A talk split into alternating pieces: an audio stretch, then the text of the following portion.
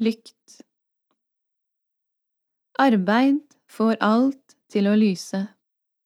Sorg får alt til å lyse. Jeg ble født og lyste opp mine foreldres ansikter.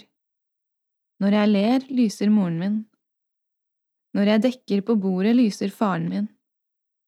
Når jeg skjenker vin i glassene, lyser verden opp. Jeg vokser, og lyset strømmer ut gjennom fingrene.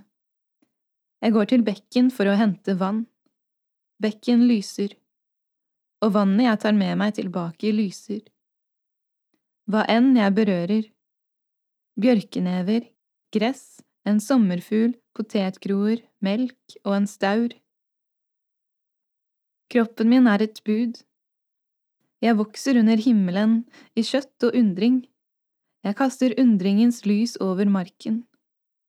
Alle mine spørsmål kommer lysende fra munnen.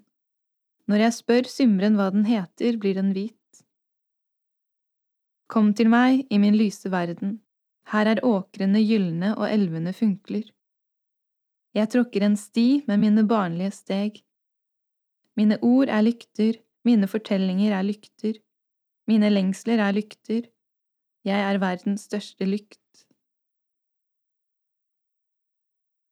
Jeg må lære mine døde å oppføre seg. Om mine døde dro med vinden, ville det vært vakkert. Om mine døde rullet med bølgene, ville jeg fått ro i sjela. Om de steg til himmels med et mykt rykk fra Guds hånd, eller løste seg opp i jorden og næret kornvalmuene dette ville ha forsonet meg med døden. Men mine døde vil dø om og om igjen, og sender meg fra skrivebordsskuff til skrivebordsskuff. Jeg leter etter brev med forseggjorte håndskrifter, men mine døde skriver ikke brev. Mine døde klatrer på en stol og legger løkkene sirlig om halsen.